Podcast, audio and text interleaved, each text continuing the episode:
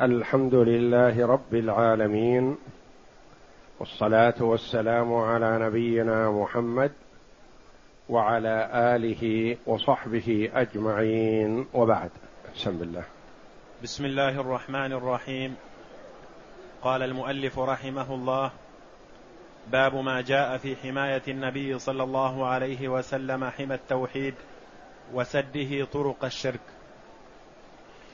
قول المؤلف رحمه الله تعالى باب ما جاء في حماية النبي صلى الله عليه وسلم حمى التوحيد وسده طرق الشرك. النبي صلى الله عليه وسلم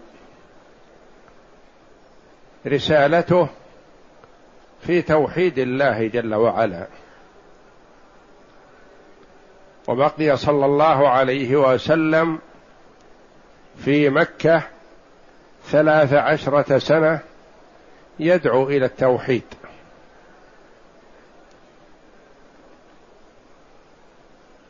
وما بعث الله نبيا إلا ويدعو إلى التوحيد. لأن الله جل وعلا أرسل الرسل إلى العباد ليعبدوا الله وحده ولا يشركوا به شيئا. ولقد بعثنا في كل أمة رسولا أن اعبدوا الله واجتنبوا الطاغوت. وأعظم ذنب عصي الله به الشرك.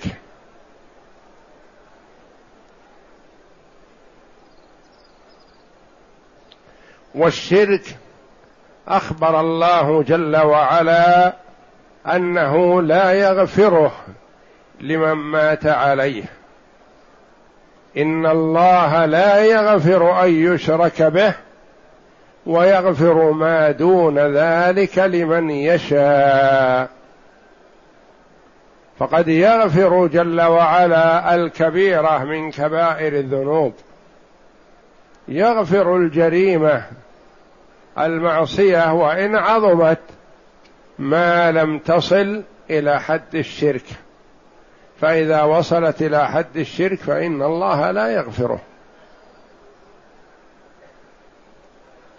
فلذا حرص النبي صلى الله عليه وسلم على حماية التوحيد مما يخدشه أو يبطله.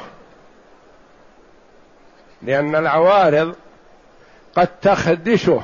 يقال هذا ينافي كمال التوحيد.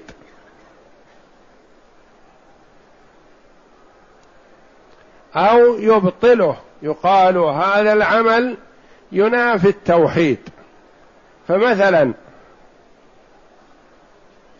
قصد المرء إلى المقبرة ليدعو الله في حاجة من الحاجات تخصه. هذا وسيلة إلى الشرك. هذا يخدش التوحيد ولا يبطله. لكنه وسيلة. قصد المرء إلى المقبرة ليدعو أصحاب القبور. أو ليدعو السيد الفلاني أو الولي الفلاني. هذا ينافي التوحيد يبطل التوحيد لأنه الشرك الأكبر. وكل جريمة ومعصية عظيمة حماها النبي صلى الله عليه وسلم جعل موانع لئلا يقع المسلم في الكبيرة. حمى التوحيد من الوقوع في الشرك وحمى المسلم من الوقوع في الزنا فمنع خلوة الرجل بالمرأة الأجنبية ومنع كشف المرأة وجهها ومحاسنها أمام الرجال الأجانب. منع النظر المحرم لأنه وسيلة إلى إلى الزنا. منع وسائل إلى الربا وإن لم تكن ربا.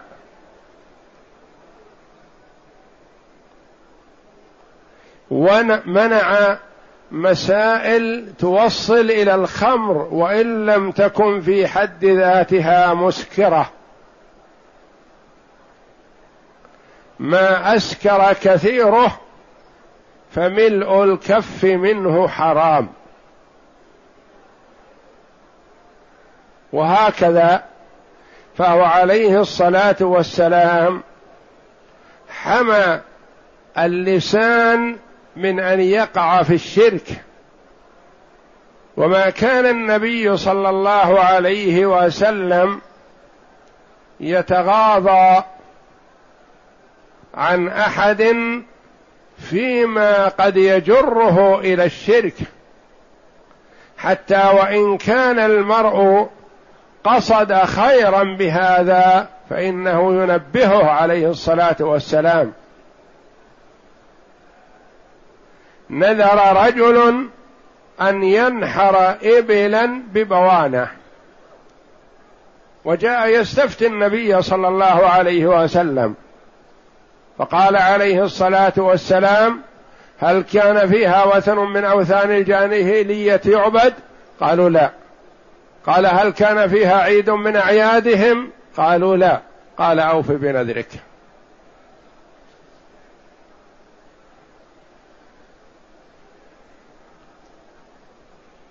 منع التصوير لأنه وسيلة إلى الشرك.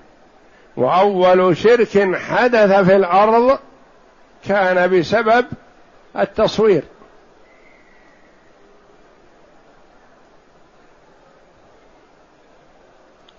فهو عليه الصلاة والسلام قد يسمع الكلمة من المرء قد تجره إلى الشرك وإن لم تكن شرك فينهى عنها عليه الصلاة والسلام. يعني ينهى عن كل ما يوصل إلى الشرك لأنه أعظم ذنب. وإذا وقع فيه المرء هلك وخسر الدنيا والآخرة وإن صلى وصام وحج وزعم أنه مسلم إذا صرف شيئا من أنواع العبادة لغير الله كفر بالله. وما أكثر من يفعل هذا ممن يدعي الإسلام بسبب غلبة الجهل والتقليد ومتابعة الناس. تجده يصلي في الصف الأول ويبكر إلى المسجد قبل الأذان فإذا انتهى من صلاته توجه إلى القبر الذي يعبده من دون الله فيقول يا سيدي يا مولاي يا عضدي يا ناصري ويخضع ويخشع ويتذلل أكثر مما يخشع ويخضع في صلاته. هذا الشرك الأكبر. ما تنفعه صلاة ولا صيام ولا صدقة ولا أي عمل. والشرك لا يعذر به لأن الله جل وعلا ما خلق الخلق إلا لعبادته. وأظلم الظلم الشرك بالله. يهتم بالبيع والشراء والتجارة والكسب ولا يبالي بالعبادة. يعبد غير الله مع الله ويزعم أنه مسلم ما يعذر.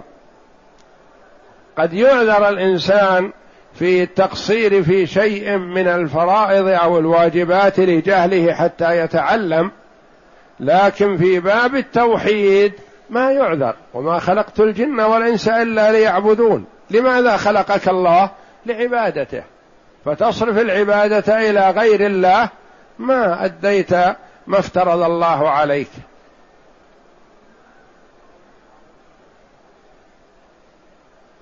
والمؤلف رحمه الله تعالى سمى كتابه هذا كتاب التوحيد. فذكر التوحيد ثم ذكر ما يبطله ثم ذكر ما يقويه ثم ذكر ما يخدشه.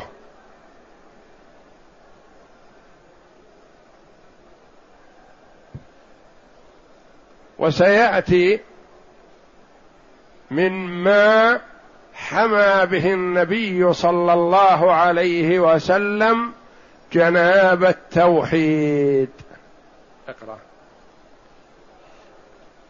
عن عبد الله بن الشخير رضي الله عنه قال انطلقت في وفد بني عامر إلى رسول الله صلى الله عليه وسلم فقلنا أنت سيدنا؟ فقال السيد الله تبارك وتعالى. قلنا وأفضلنا فضلا وأعظمنا طولا. فقال قولوا بقولكم أو بعض قولكم ولا يستجرينكم الشيطان. رواه أبو داود بسند جيد. عن عبد الله بن الشخير رضي الله عنه صحابي. قال انطلقت في وفد بني عامر بن صعصعة. إلى رسول الله صلى الله عليه وسلم بعدما فتح الله جل وعلا لعبده ورسوله صلى الله عليه وسلم مكة في السنة الثامنة من الهجرة تكاثرت الوفود على النبي صلى الله عليه وسلم مظهرين للإسلام. ولذا سمي العام التاسع من الهجرة عام الوفود. لأن الناس حول مكة والمدينة ينتظرون ماذا يكون بين النبي صلى الله عليه وسلم وكفار قريش. فإن تغلب عليهم فما يسعهم أن يتوقفوا. فلما نصر الله رسوله صلى الله عليه وسلم جاءت الوفود من جهات عدة إلى النبي صلى الله عليه وسلم. يقول انطلقت في وفد بني عامر ابن صعصعة من عدنان إلى رسول الله صلى الله عليه وسلم. وهذا الوفد جاء بعدد من قبائله من قبائل بني عامر ومعهم كثير من رؤسائهم وكانوا يتطلعون إلى أمور دين دنيوية ويتطلعون إلى المشاركة في الحكم. منهم عامر ابن الطفيل. عامر ابن الطفيل هذا من بني عامر وليس الطفيل الذي هو الدوسي رضي الله عنه. منهم هذا عامر كان من رؤسائهم ومن كبرائهم وكان مضمر أن يفتك بالنبي صلى الله عليه وسلم. إلا إن أشركه النبي صلى الله عليه وسلم في الأمر أو جعل له شيئا من الولاية أو جعل الأمر له بعد النبي صلى الله عليه وسلم. يرضى أن يكون من بعد النبي هو الوالي. وإلا فسيفتك بالنبي صلى الله عليه وسلم. وأظهر هذا لبعض خاصته فأهلكه الله جل وعلا بالطاعون. وأهلك معه من ظهر على سريرته من أظهر على سريرته. ناله العذاب بسبب رضاه بما أسر له عامر ابن الطفيل العامري. يقول فقلنا لما جاءوا إلى النبي صلى الله عليه وسلم أنت سيدنا؟ فقال السيد الله تبارك وتعالى. قلنا وأفضلنا فضلا وأعظمنا طولا. فقال قولوا بقولكم أو بعض قولكم. ولا يستجرينكم الشيطان. السيد من السؤدد والعظمة والكمال.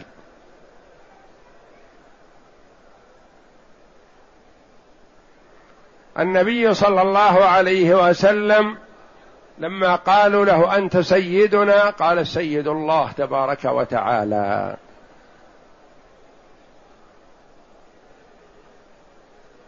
فسر ابن عباس رضي الله عنهما الصمد بأنه الكامل في سؤدده. الكمال في السؤدد. في السيادة. فإذا كان هكذا فلا يصح أن تطلق على البشر على المخلوق.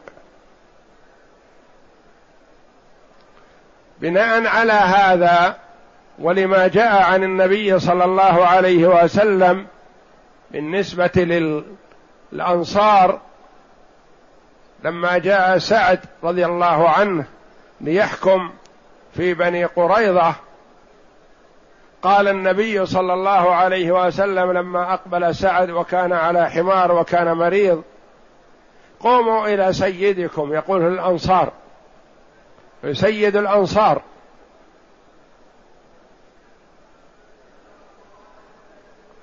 وتقدم لنا أنه قال لل عليه الصلاة والسلام للرقيق يقول سيدي ومولاي يقول سيدي يعني الرقيق يقول لمالكه يقول سيدي. فلذا اختلف العلماء رحمهم الله في جواز إطلاق هذه الكلمة. فبعض العلماء ومنهم الإمام مالك وجمع رحمة الله عليهم قالوا لا يجوز أن تطلق كلمة السيد إلا على الله تبارك وتعالى. حماية لجناب التوحيد. ما تطلق السيد إلا على الله. ولا يجوز أن يقال لمخلوق السيد. قالوا هناك فرق بين سيد السياده المطلقة وبين سيد بني كذا. قالوا سيد بني كذا ما يمانع في هذا. سيد بني كذا يعني كبيرهم. لكن سيد كلمة مطلقة قالوا لا لأن هذه ما يصح أن تطلق إلا على الله. والعبارات التي وردت عن النبي صلى الله عليه وسلم في ذلك قالوا مضافة ما هي مطلقة. قال عليه الصلاة والسلام أنا سيد ولد آدم ولا فخر وهذا من باب التحدث بنعمة الله. ولا يمكن أن نعلم هذا إلا منه عليه الصلاة والسلام. لو ما أخبرنا ما علمنا. ما ينزل على الصحابة شيء يقال ترى الرسول كذا وكذا. له حق ان يقول كذا. هو المبلغ عن الله فيقول عليه الصلاة والسلام أنا سيد ولد آدم. حدد سيادته عليه الصلاة والسلام بولد آدم.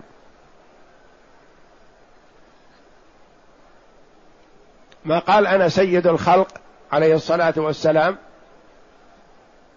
وقال للأنصار قوموا إلى سيدكم. هو سيد الأنصار فقط لكن بالمهاجرين لا ما هو بسيد لهم. فمنعوا إطلاق كلمة السيد إلا مقيدة.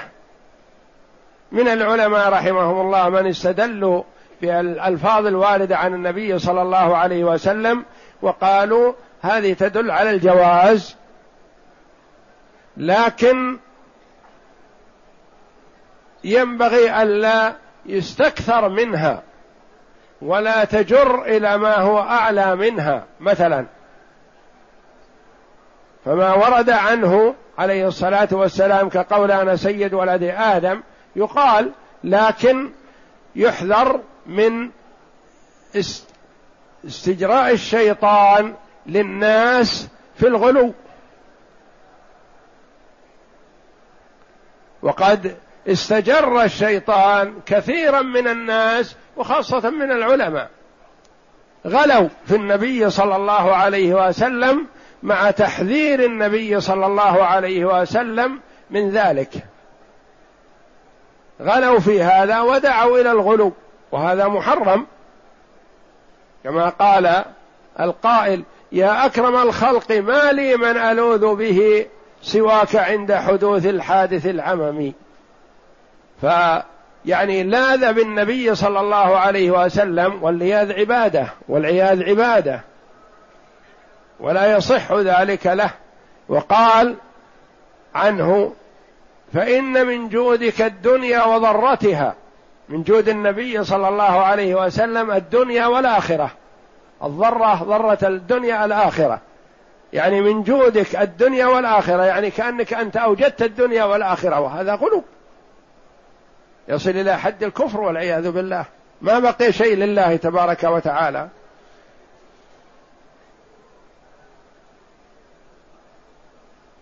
فلما قال له هؤلاء القوم أنت سيدنا؟ قال السيد الله تبارك وتعالى. ونزه ربه وعظمه بقوله تبارك وتعالى. ولذا قال العلماء كلمة تبارك ما يصح أن تطلق إلا على الله لأنه هو اللي يعطي البركة جل وعلا. تبارك يعطي البركة والمخلوق ما يعطي بركة. وإنما يقال للمخلوق مبارك يعني جعل الله في شيء من البركة. ولذا جاءت في القرآن لله تبارك وتعالى في آيات عدة. تبارك الذي نزل الفرقان على عبده ليكون للعالمين نذيرا. تبارك الذي جعل في السماء بروجا وجعل فيها سراجا وقمرا منيرا. تبارك الذي بيده الملك وهو على كل شيء قدير. فتطلق على الله جل وعلا لأنه هو الذي يعطي البركة جل وعلا. قال النبي صلى الله عليه وسلم السيد الله يعني السيد حقا بالكمال في السؤدد الله تبارك وتعالى. وهذا من حمايته صلى الله عليه وسلم لجناب التوحيد خشية أن يغلو الناس فيه. وقال عليه الصلاة والسلام لا تطروني كما أطرت النصارى ابن مريم. إنما أنا عبد فقولوا عبد الله ورسوله. عبد الله ورسوله هذه هي التي وصفه الله جل وعلا بها. وهي أفضل ما يوصف به بشر. العبودية لله والرسالة. إنما أنا عبد فقولوا عبد الله ورسوله. والشيخ محمد بن عبد الوهاب رحمه الله يقول هو عبد لا يعبد ورسول لا يكذب. عبد ما يستحق شيء من العبادة عليه الصلاة والسلام ولا يرضى لنفسه شيء من العبادة. ورسول حاشاه عن الكذب. يعني جمع بين الفضيلتين عليه الصلاة والسلام. والله جل وعلا وصفه بالعبودية في أشرف مواطن ما فيها غضاضة بل هي رفعة وشرف. وهو عليه الصلاة والسلام أمكن الخلق في العبودية. ووصفه الله جل وعلا بالعبودية في أشرف المواطن. قال تعالى الحمد لله الذي أنزل على عبده الكتاب ولم يجعل له عوجا. وقال تعالى سبحان الذي أسرى بعبده ليلا من المسجد الحرام إلى المسجد الأقصى. وقال تعالى وأنه لما قام عبد الله كادوا يكونون عليه لبدا. فأوحى إلى عبده ما أوحى. أوحى إلى عبده. وسماه رسول محمد رسول الله وسماه النبي عليه الصلاة والسلام.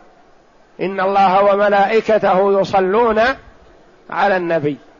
ما جاءت لفظ سيد في القرآن مطلقة على النبي صلى الله عليه وسلم. فلذا توقف كثير من العلماء ومنهم الإمام مالك رحمه الله على إطلاق كلمة السيد على النبي صلى الله عليه وسلم أو على غيره إلا مقيدة. ما يقال سيد هكذا وإنما يقال سيد ولد آدم كما أخبر عليه الصلاة والسلام.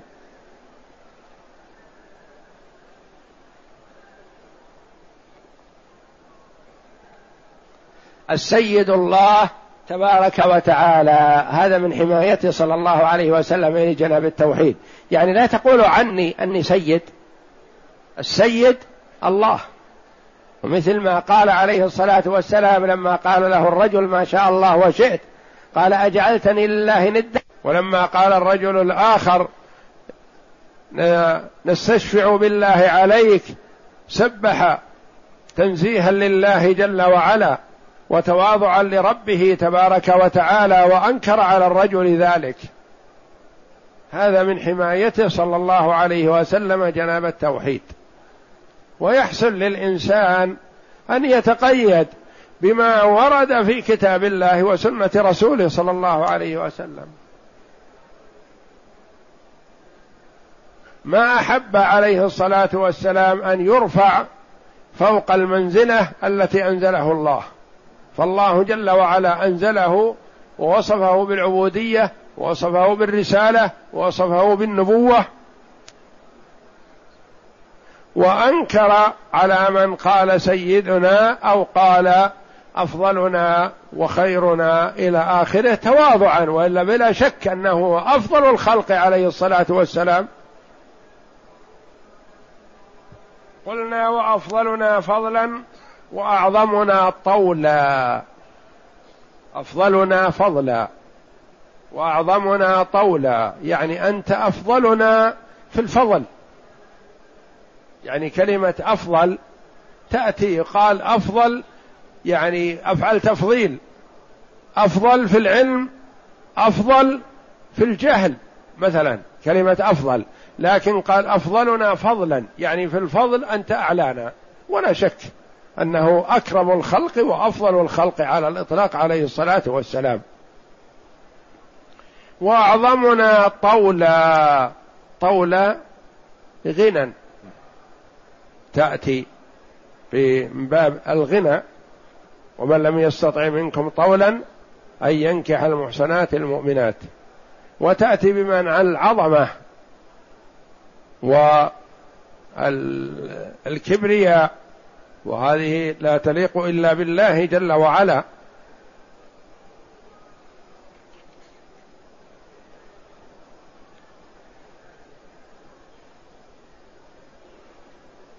فقال تعالى حاميم غافر الذنب وقابل التوب شديد العقاب ذي الطول. لا إله إلا هو. فالطول الغنى والطول العظمة والكبرياء. فقال قولوا بقولكم أو بعض قولكم. لا تتجاوزوا. لا تأتوا بعبارات بعيدة عنكم. قولوا بما تعرفون. قولوا بما تتخاطبون به ولا تتجاوزوا. ولما ارتعد الرجل بين يديه عليه الصلاة والسلام قال إنما أنا ابن امرأة تأكل الثريد بمكة. أنا ابن امرأة ما أنا بإله. ولما ترتعد ولما تخاف مني. قولوا بقولكم يعني بما تقولونه فيما بينكم ولا تتكلفوا. في الخطاب معي أنتم مأمورون بالطاعة. مأمورون بالاستجابة لما أدعوكم إليه. ولستم مأمورون بتعظيمي ورفعي عن منزلتي التي أنزل الله أنزلني الله إياها. قولوا بقولكم أو بعض قولكم لا تتجاوزوا. ولا يستجرينكم الشيطان. الشيطان يستجر الإنسان من حيث لا يشعر. يجره ويتسلط عليه من حيث ما يهوى. يكون في قلبه تعظيم النبي صلى الله عليه وسلم وحبه وهذا حسن. ما يقول له اشتم الرسول أو كذب الرسول. لا. يأتيه يقول ارفع. يزيد فيه حتى يغلو ويتجاوز الحد. ما يأتي للرجل الذي يحاول قبل الأذان أن يحضر إلى المسجد ويكون حريص على الصلاة يقول لا أترك الصلاة ما يطيعه. لكن يحاول معه مع شيء يهواه يجعل يسابق الإمام. قبل أن يسلم الإمام يسلم. لما؟ هل تريد الخروج؟ وهؤلاء الذين مثلا إذا قال الإمام السلام قبل أن يكملها ركضوا إلى الحجر. هذا من استهواء الشيطان من تلاعب الشيطان. ما ورد تقبيل الحجر في هذه اللحظة وهذا في ميزة وفضيلة. لكنه أراد أن يدخل عليهم من شيء تهواه نفوسهم. سلم مع الإمام بعد الإمام سلم تتم صلاتك. إذا سابق الإمام كما قال عبد الله بن عباس وابن عمر والصحابة رضي الله عنهم لا وحدك صليت ولا بإمامك اقتديت. يعني ما حصلت شيء. وهذا الذي يسابق الإمام تجده جاء قبل الأذان بساعة أو أكثر. ولن يخرج بعد الصلاة إلا بساعة أو أكثر. أو مسابقة نتيجة سرعة ويحب أن يخرج لغرضه. لا. مطمئن في المسجد ومرتاح. لكن الشيطان يدخل عليه ليفسد عليه صلاته. هذا الركض مثلا من بعض الإخوة هداهم الله مثلا. قبل أن يكمل الإمام السلام وله عند الحجر الأسود يقبله يزاحم عليه. وربما يصطدم بآخر فيقذفه ويرميه ويتضرر الطرفان من بعض. لما هذا؟ أنت في حالة معركة قتال تغار على الحجر تركض عليه لا يرفع. سلم بطمأنينة وسبح وهلل واستحضر ما أمرك به النبي صلى الله عليه وسلم. أمر النبي صلى الله عليه وسلم المصلي أن يسلم بعد الإمام. ثم يقول أستغفر الله أستغفر الله أستغفر الله في مكانه. ثم يقول لا إله إلا الله وحده لا شريك له له الملك وله الحمد وهو على كل شيء قدير. يهلل ويأتي بالتسبيح سبحان الله والحمد لله والله أكبر. هذا الذي أمر به النبي صلى الله عليه وسلم. ما أمر بالركض؟ هذا جهل.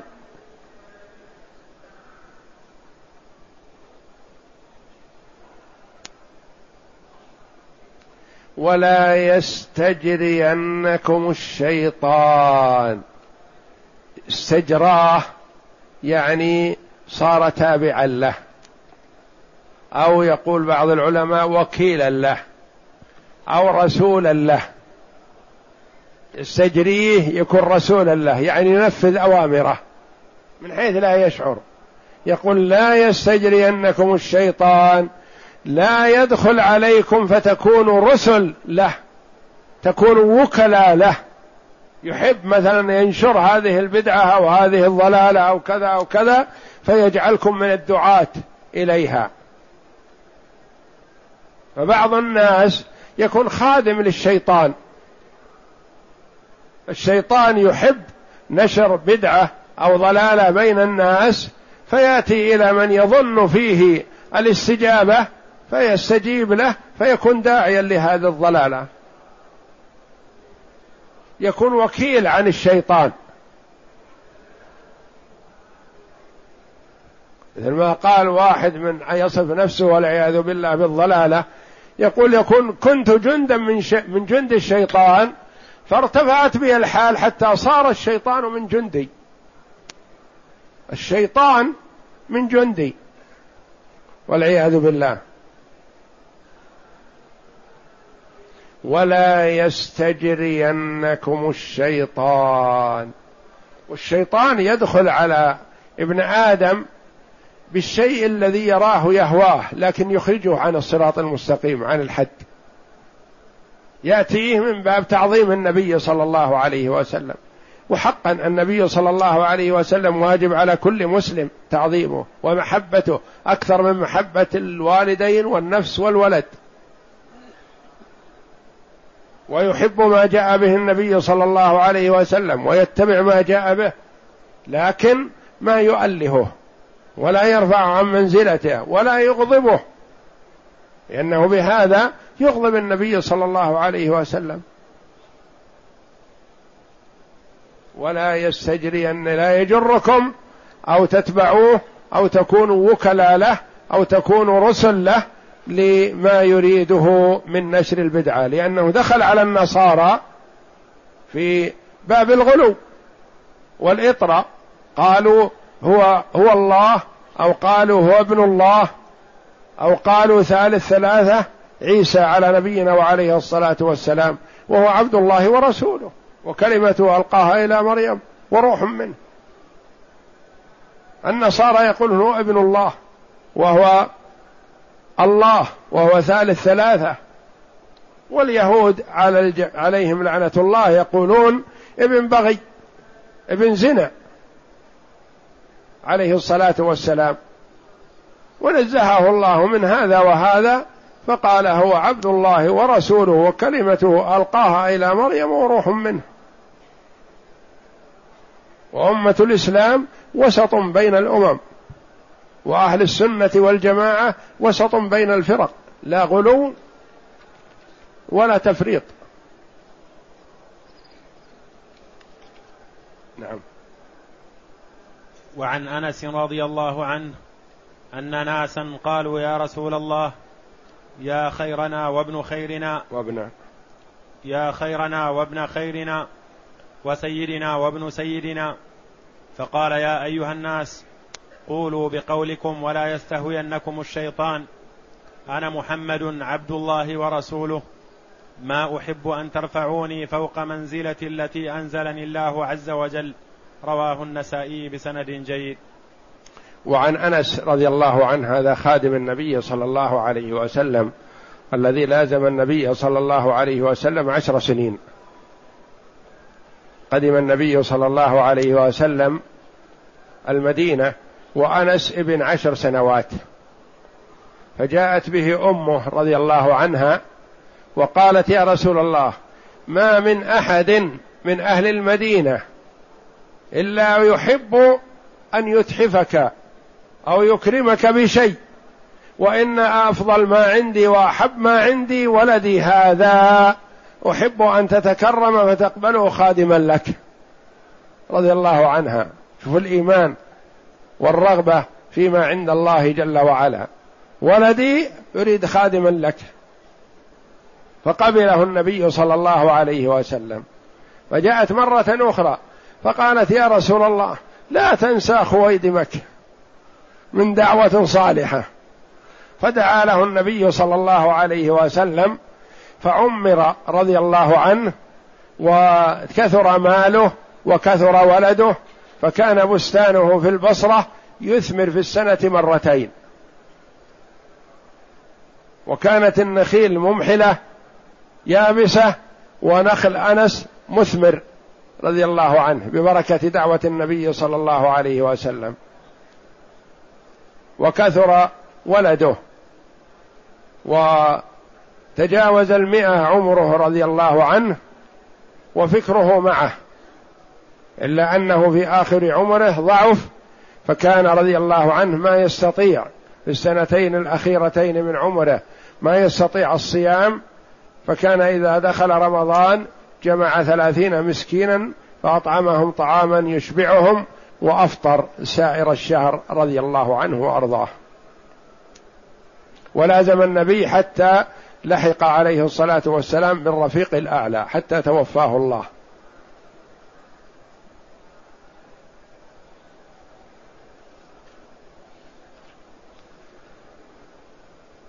أن ناسا قالوا يا رسول الله يا خيرنا وابن خيرنا وسيدنا وابن سيدنا. يعظمون النبي صلى الله عليه وسلم في هذا. قالوا يا رسول الله صح. هذه خاطبه الله جل وعلا بها محمد رسول الله. يا خيرنا. خيرنا لا شك أنه خير الأمة وخير الخلق عليه الصلاة والسلام. لكنه استشعر من هذه عليه الصلاة والسلام التعظيم. وابن خيرنا قال العلماء ابن خيرنا يعني أبوك خيرنا في النسب. ما يصح أن يكون خيرنا في كل شيء الأب لأن الأب مات في الفترة مات في الجاهلية. فما يصح أن يقول المسلم إنه خير منه في الدين وإنما هو خير الناس في النسب لأن نسب النبي صلى الله عليه وسلم أفضل نسب عليه الصلاة والسلام. وابن خيرنا وسيدنا يعني أنت يا محمد سيدنا وابن سيدنا يعني أبوك سيدنا سيدهم في النسب. فقال يا أيها الناس يخاطب الناس كلهم لا هؤلاء فقط. قولوا بقولكم ولا يستهوينكم الشيطان. لا تمجدوني لا ترفعوني فوق منزلتي التي أنزلني الله. أنا محمد هذا اسمه عليه الصلاة والسلام. عبد الله ورسوله صفته. جمع بين العبودية والرسالة عليه الصلاة والسلام عبد ورسول. فالعبودية لا غضاضه فيها عبودية الله.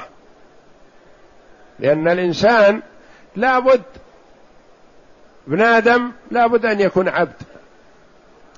اما عبد لله وإلا عبد للشيطان. أي توجه لغير الله جل وعلا فهو عبد للشيطان. لأنه مطيع للشيطان. أطاع هواه فهو عبد للشيطان.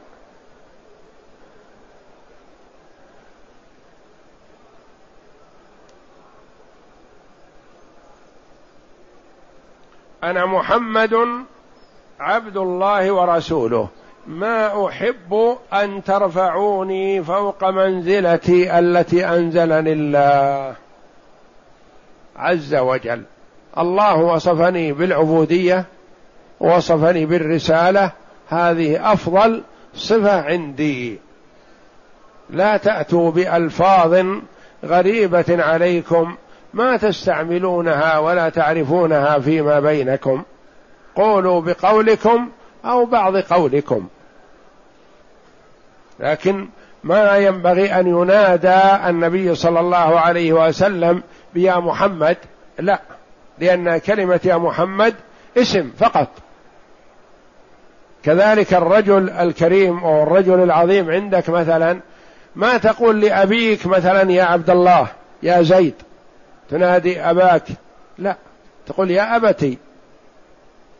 فالرسول عليه الصلاة والسلام ما ينبغي أن ولا يجوز أن ينادى بقول يا محمد وإنما ينادى كما يناديه الصحابة رضي الله عنهم الذين هم أعرف الناس بقدره عليه الصلاة والسلام يا رسول الله يا نبي الله ونحو ذلك.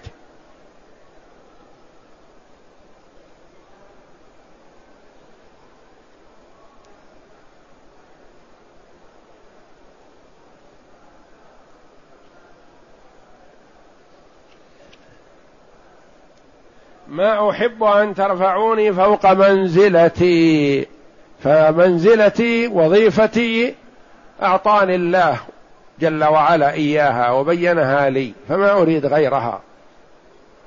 ما أريد السيادة ولا أريد كلمة خيرنا وابن خيرنا تبجيل تعظيم في نظرهم أن هذه أحسن وأفضل صفة للنبي صلى الله عليه وسلم العبودية لله جل وعلا والرسالة من الله جل وعلا. هذه أفضل.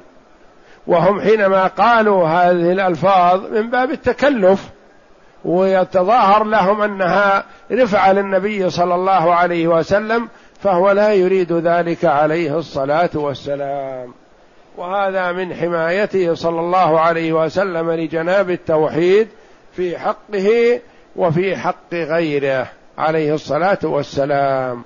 والله أعلم. وصلى الله وسلم وبارك على عبده ورسول نبينا محمد وعلى آله وصحبه أجمعين.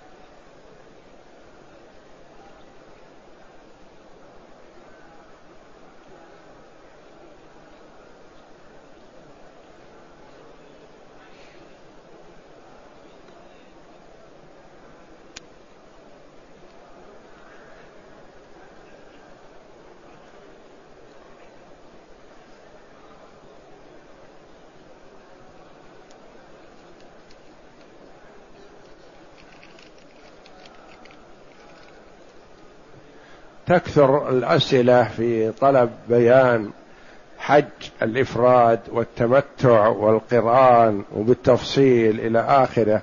هذه ستأتي إن شاء الله. قرب الحج إن شاء الله. سنتكلم عن المناسك إن شاء الله.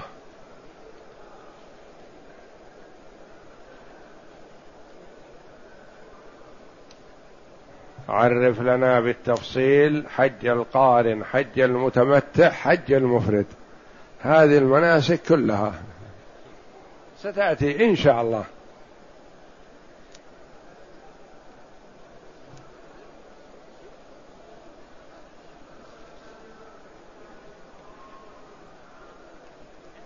بالنسبة للحاج المتمتع هل يحرم وينوي بالعمرة والحج تمتعا أو ينوي بالعمرة. ينوي العمرة متمتعا بها إلى الحج. ينوي العمرة. ثم إذا أدى العمرة إذا تيسر له الحج وحج فالحمد لله يكون متمتع. وإن أدى العمرة ورجع إلى بلاده وعدل عن الحج فلا حرج عليه لأنه ما دخل في الحج وإنما دخل في العمرة. فعليه أن يتمها. فإذا أتمها حينئذ يكون بالخيار. بخلاف القارن فالقارن دخل بالحج والعمرة معا فليلزمه أن يؤديهما لأنه ما يسوغ له أن يتحلل إلا إذا نوى التحلل بالعمرة ثم يتحلل حينئذ يسوغ له ذلك. لكن وهو في الحج ما يفسخ يترك الحج.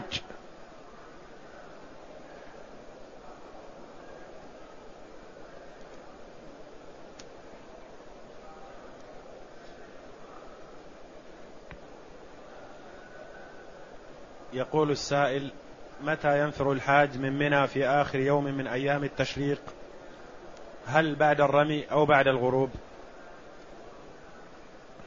النفر من منى لمن أراد أن يتعجل بعد رمي الجمار الثلاث اليوم الثاني عشر ولو قبل صلاة الظهر. ومن أراد الا يتعجل ينفر في اليوم الثالث عشر والأفضل بعد الرمي وقبل صلاة الظهر لأن النبي صلى الله عليه وسلم رمى الجمار في اليوم الثالث وسار ولم يصلي في منى بل انتقل عليه الصلاة والسلام. وإن أخر إلى بعد العصر ونحو ذلك فلا بأس. لكن إذا غربت عليه الشمس اليوم الثاني عشر وهو لم يرتحل فلا يسوغ له أن يرتحل بل عليه أن يبيت الليلة الثالث عشر ويرمي من الغد. أما من تجهز للرحيل وارتحل لكن حبس في الطريق بسبب آه، كثرة السيارات وانسداد بعض الطرق فلا حرج عليه يواصل ولو غربت عليه الشمس وهو لم يخرج من منى.